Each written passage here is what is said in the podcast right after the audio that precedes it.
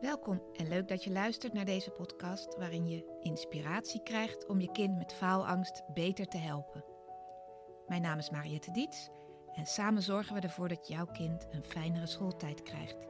Dit is de Pubers met Faalangst podcast.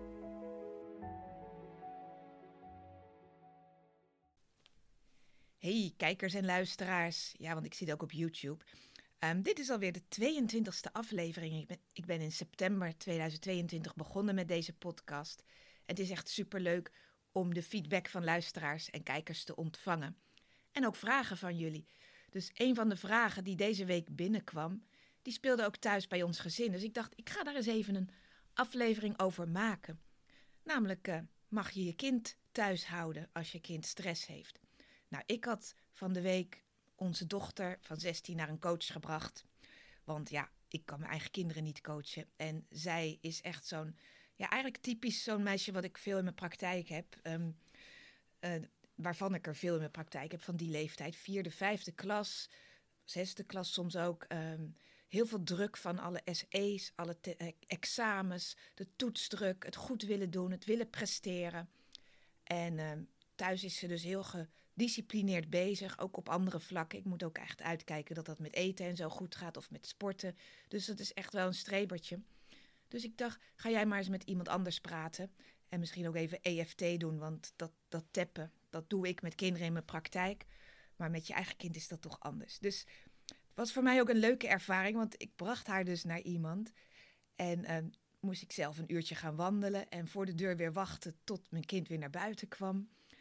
En dat was wel leuk, want dat zie ik natuurlijk hier in mijn praktijk elke keer. Dat ouders zetten hun kind af. En nu kon ik eens ervaren hoe het voelt als je kind dan bij iemand zit. En uh, ja, dan is het ook spannend. Wat wordt daar allemaal besproken? En gaat, gaat zij mijn kind fixen? Gaat ze mijn kind helpen? Dus toen na afloop kwam ik daar weer ophalen. En hebben we een nagesprekje gehad. En een van de tips die, die mevrouw gaf aan onze dochter, ze zei het helemaal glunderend, onze dochter. Ja, als ik een dagje te druk ben en, uh, en ik, heb, ik voel dat ik aan mijn grens gekomen ben, dan, dan moeten jullie mij gewoon ziek melden en dan mag ik een dagje thuis gewoon heel goed gaan leren, zodat ik weer helemaal bij ben. Oftewel, ik, heb, uh, ik mag af en toe een baaldag of een snipperdag.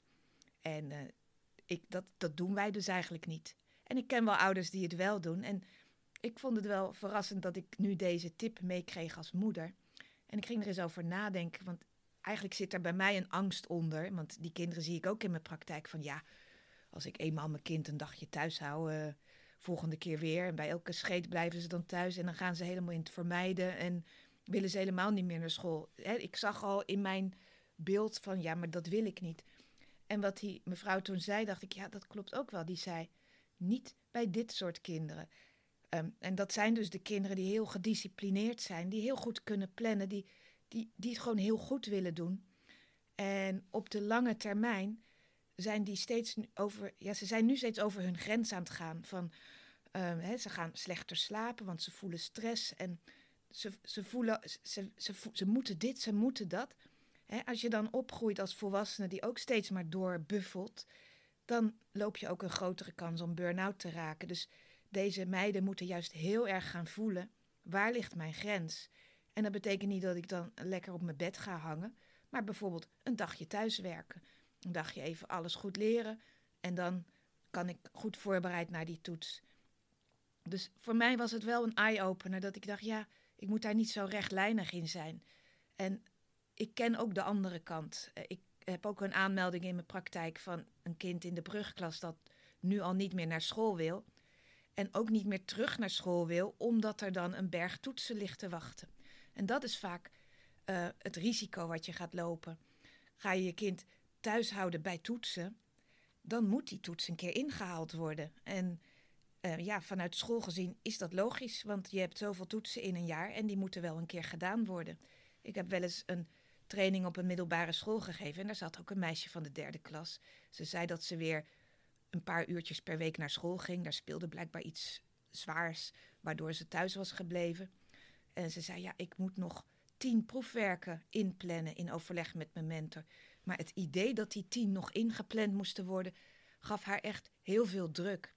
Dus als zoiets aan de hand is, dan moet je echt een gesprek met school, met de mentor, uh, met misschien het zorgteam op school. Er zijn gewoon mensen die hier ja, bekend mee zijn, die snappen hoe dit werkt bij kinderen. En dan moet er een soort van plan komen van dit kind, hè, maar we hebben het nu even over een thuiszitter. Dat is weer wat anders dan iemand die een snipperdagje neemt. Maar kinderen die weer moeten reïntegreren, dan is het net als op je werk. Dan kan je ook niet meteen een bergwerk voor je neus krijgen, want dan val je meteen weer uit of je gaat in de vermijding. Dus uh, ik vind het zelf niet zo'n goed idee om een kind thuis te houden op dagen dat er toetsen zijn. Zo van, nou dan gaan we jouw werk een beetje verdelen over de tijd en je haalt het wel een keer in. Want altijd als je het moet inhalen zijn er ook weer andere toetsen. Maar ik vind het wel een goed idee wat nu werd voorgesteld over mijn dochter. Van stel, je hebt over een week een toetsweek en je voelt je zo gestrest en je, je hebt het idee als ik een dagje thuis zit, kan ik het allemaal veel gestructureerder leren. En dan voel ik me weer lekkerder in mijn lijf zitten. Dat, dat dan een dagje thuis op zich niet zo'n heel groot probleem is. Dus ik ben er wel ja, van gedachten veranderd op dat vlak. Ik denk dat, um, je, dat je heel goed moet kijken naar het type kind. Bij mijn andere kind zou ik het juist helemaal niet doen. Dus kijk ook hoe je hier als ouders in staat en ook wat je intentie is. Heb jij heel erg het idee van, oh, anders gaat mijn kind een onvoldoende halen en niet over, dan is dat een andere energie dan ik moet mijn kind leren om goed met haar eigen grenzen om te gaan, om, om goed uh, de verantwoordelijkheid te nemen, maar ook op de juiste momenten rust te nemen. Dan is dat een hele andere intentie. Want uiteindelijk is jouw rol als ouder om jouw kind ja, te, te leren, te coachen in dit leven. Van hoe ga je om met druk? Hoe ga je om met nee zeggen? Hoe ga je om met grenzen aangeven? Hoe krijg je jezelf rustig? Hoe doe je dat allemaal? Dat is fijn als je daar als vader of moeder mee kan helpen. En soms is dat juist ook een zetje geven van hè, een, een brugklasser die al niet meer naar school durft, denk ik, die heeft misschien ook gewoon een zetje nodig van hè, ga het gewoon ervaren. Soms hebben ze een beetje koud watervrees of vinden ze het allemaal zo spannend, maar ja, je leert dingen ook vooral door te doen. Maar als je de intentie hebt en zelf die druk voelt van straks zakt ze voor de eindexamen, straks haalt ze slechte cijfers, dan is dat je eigen angst. En dat is weer geen lekker gevoel om aan je kind mee te geven. Dus voel ook bij jezelf heel erg um, van uh, ja, hoe je er zelf in zit, wat jouw eigen staat hierin is en of dat nog iets uit jouw verleden is wat je nu met je meeneemt en wat je weer bovenop je kind uh, dropt. Of ben je echt heel goed naar je kind aan het kijken van hoe wil ik dat deze persoon later in het leven met druk omgaat. En heeft je kind dan af en toe een zetje nodig, een positieve aanmoediging, misschien een beetje hulp bij het leren? Of heeft je kind het juist nodig om op tijd grenzen aan te geven? Misschien heb je dat zelf bijvoorbeeld nooit geleerd en is het handig als jouw kind dat nu in de puberteit al wat beter leert. En ja, ons, onze dochter was echt helemaal opgelucht toen ze daar vandaan kwam. En ik was natuurlijk ook weer helemaal opgelucht, want ja, ze kwam wel eh, bij een coach vandaan. Dus ik was dus heel nieuwsgierig wat ze daar allemaal gedaan had. En weet je wat het erge is? In de auto zei ze: Die mevrouw begrijpt me tenminste. En toen dacht ik als moeder: Wat? Die mevrouw begrijpt me tenminste. En ik dan? Maar dat zei ik niet, want ik dacht: Dat is goed. Als kinderen bij mij in de praktijk komen, dan zeggen ze dit ook tegen hun moeder. Die mevrouw begrijpt me tenminste. En dat is lekker makkelijk, want als coach ga je veel meer naast een kind staan van... Ja, ik snap wat je bedoelt. Ja, ik snap heel goed wat je bedoelt. En ik snap het ook heel vaak wat, ik, wat een kind bedoelt. Terwijl als moeder met je kind zit daar weer een hele andere laag tussen of zo. Dat is heel raar. Dus ik snap heel goed dat mijn dochter dat zei. En ik voelde de neiging om in de verdediging te schieten. Maar ik zei, ja, ik vind het ook een hele goede, ja, een goede coach, die mevrouw. Dus ik heb er gewoon in, die, in dat gevoel gelaten van, hé, hé, eindelijk heb ik iemand gevonden die me helemaal begrijpt. En het was wel een heel mooi gesprek in de auto op weg naar huis. En ik denk dat één sessie daar genoeg was. En dat merk ik ook bij kinderen in mijn praktijk. Soms komen ze maar één keer. Of dan hou ik nog even contact met het kind. En na een paar weken gaan we nog een keertje van hoe gaat het nu? En uiteindelijk wat een kind vooral bij zo'n coach leert is nadenken over hoe doe ik nou eigenlijk de dingen die ik doe? En eigenlijk is een heel groot stuk bij stress over school ook, hoe leer ik nou eigenlijk? Ehm, en daar zit vaak toch nog wel verbetering in. Ook al zit je kind al in de vijfde. Onze dochter heeft dus wel ge, daar ook gemerkt van, ik lees het eigenlijk te snel. En doordat ik het te snel lees, ben ik alsmaar aan het lezen en sla ik het niet goed in me op. En ben ik heel veel tijd bezig met het nog eens een keer lezen en het nog eens een keer lezen. En ik snap het gewoon niet. En zij moest dus leren om het wat rustiger te lezen. Om echt die tekst ja, in de ogen te laten zuigen, zeg maar, in haar hoofd te laten komen. Een andere manier van benaderen van een tekst. En dat is ook wel fijn als iemand anders je dat leert. Want ze zitten in een patroon waar ze al jarenlang dezelfde dingen doen die gewerkt hebben. Want ze zijn steeds overgegaan. Of misschien een keer blijven zitten, we daarna weer overgegaan. Maar op een gegeven moment ontstaat er blijkbaar toch die stress. En dan kan je ook eens een stapje terug doen van hoe leer je nou eigenlijk? Dus daar komt het bij mij in de praktijk ook wel vaak weer op terug van hoe doe je dan zo'n tekst? Aan me zien hoe je dat aanpakt. Maar we begonnen met een dagje thuishouden. En mijn conclusie is dus: kijk naar je eigen intentie. Kijk naar het type kind. Ehm, is dit een kind wat vervolgens nog meer in de vermijding gaat en daar misbruik van gaat maken? Ja, dan moet je dat misschien maar beter niet doen. Maar is dat een kind wat juist moet leren om niet alsmaar te doen omdat dingen moeten? Heel streng voor zichzelf, heel erg van de regeltjes is, heel erg van de discipline is en alsmaar doorjakkert.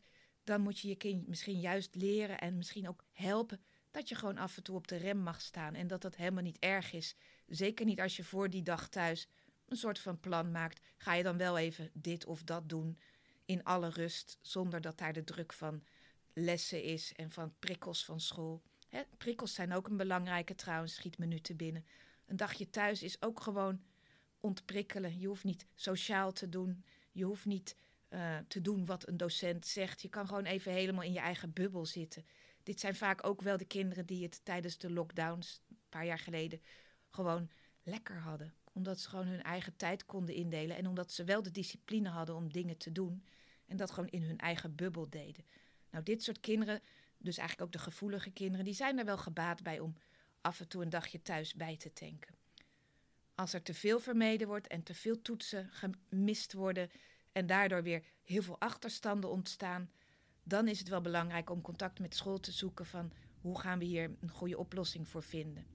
Ik heb laatst ook iemand gehoord, die zat geloof ik een kind in de tweede, had een slechte start van het jaar gehad qua motivatie, hele lage cijfers. Maar die school had gezegd, als jij vanaf nu goede cijfers laat zien, een betere werkhouding, dan tellen al die onvoldoendes van de eerste helft van het jaar niet mee.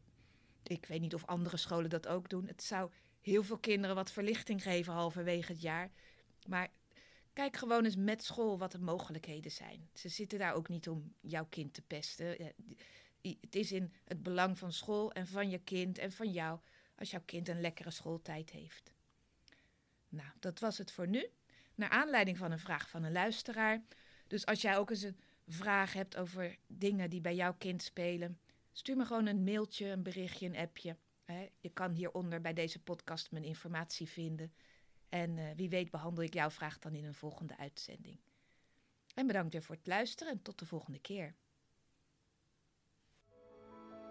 Bedankt weer voor het luisteren naar de Pubers met Faalangst podcast. Wil je met mij sparren over jullie situatie?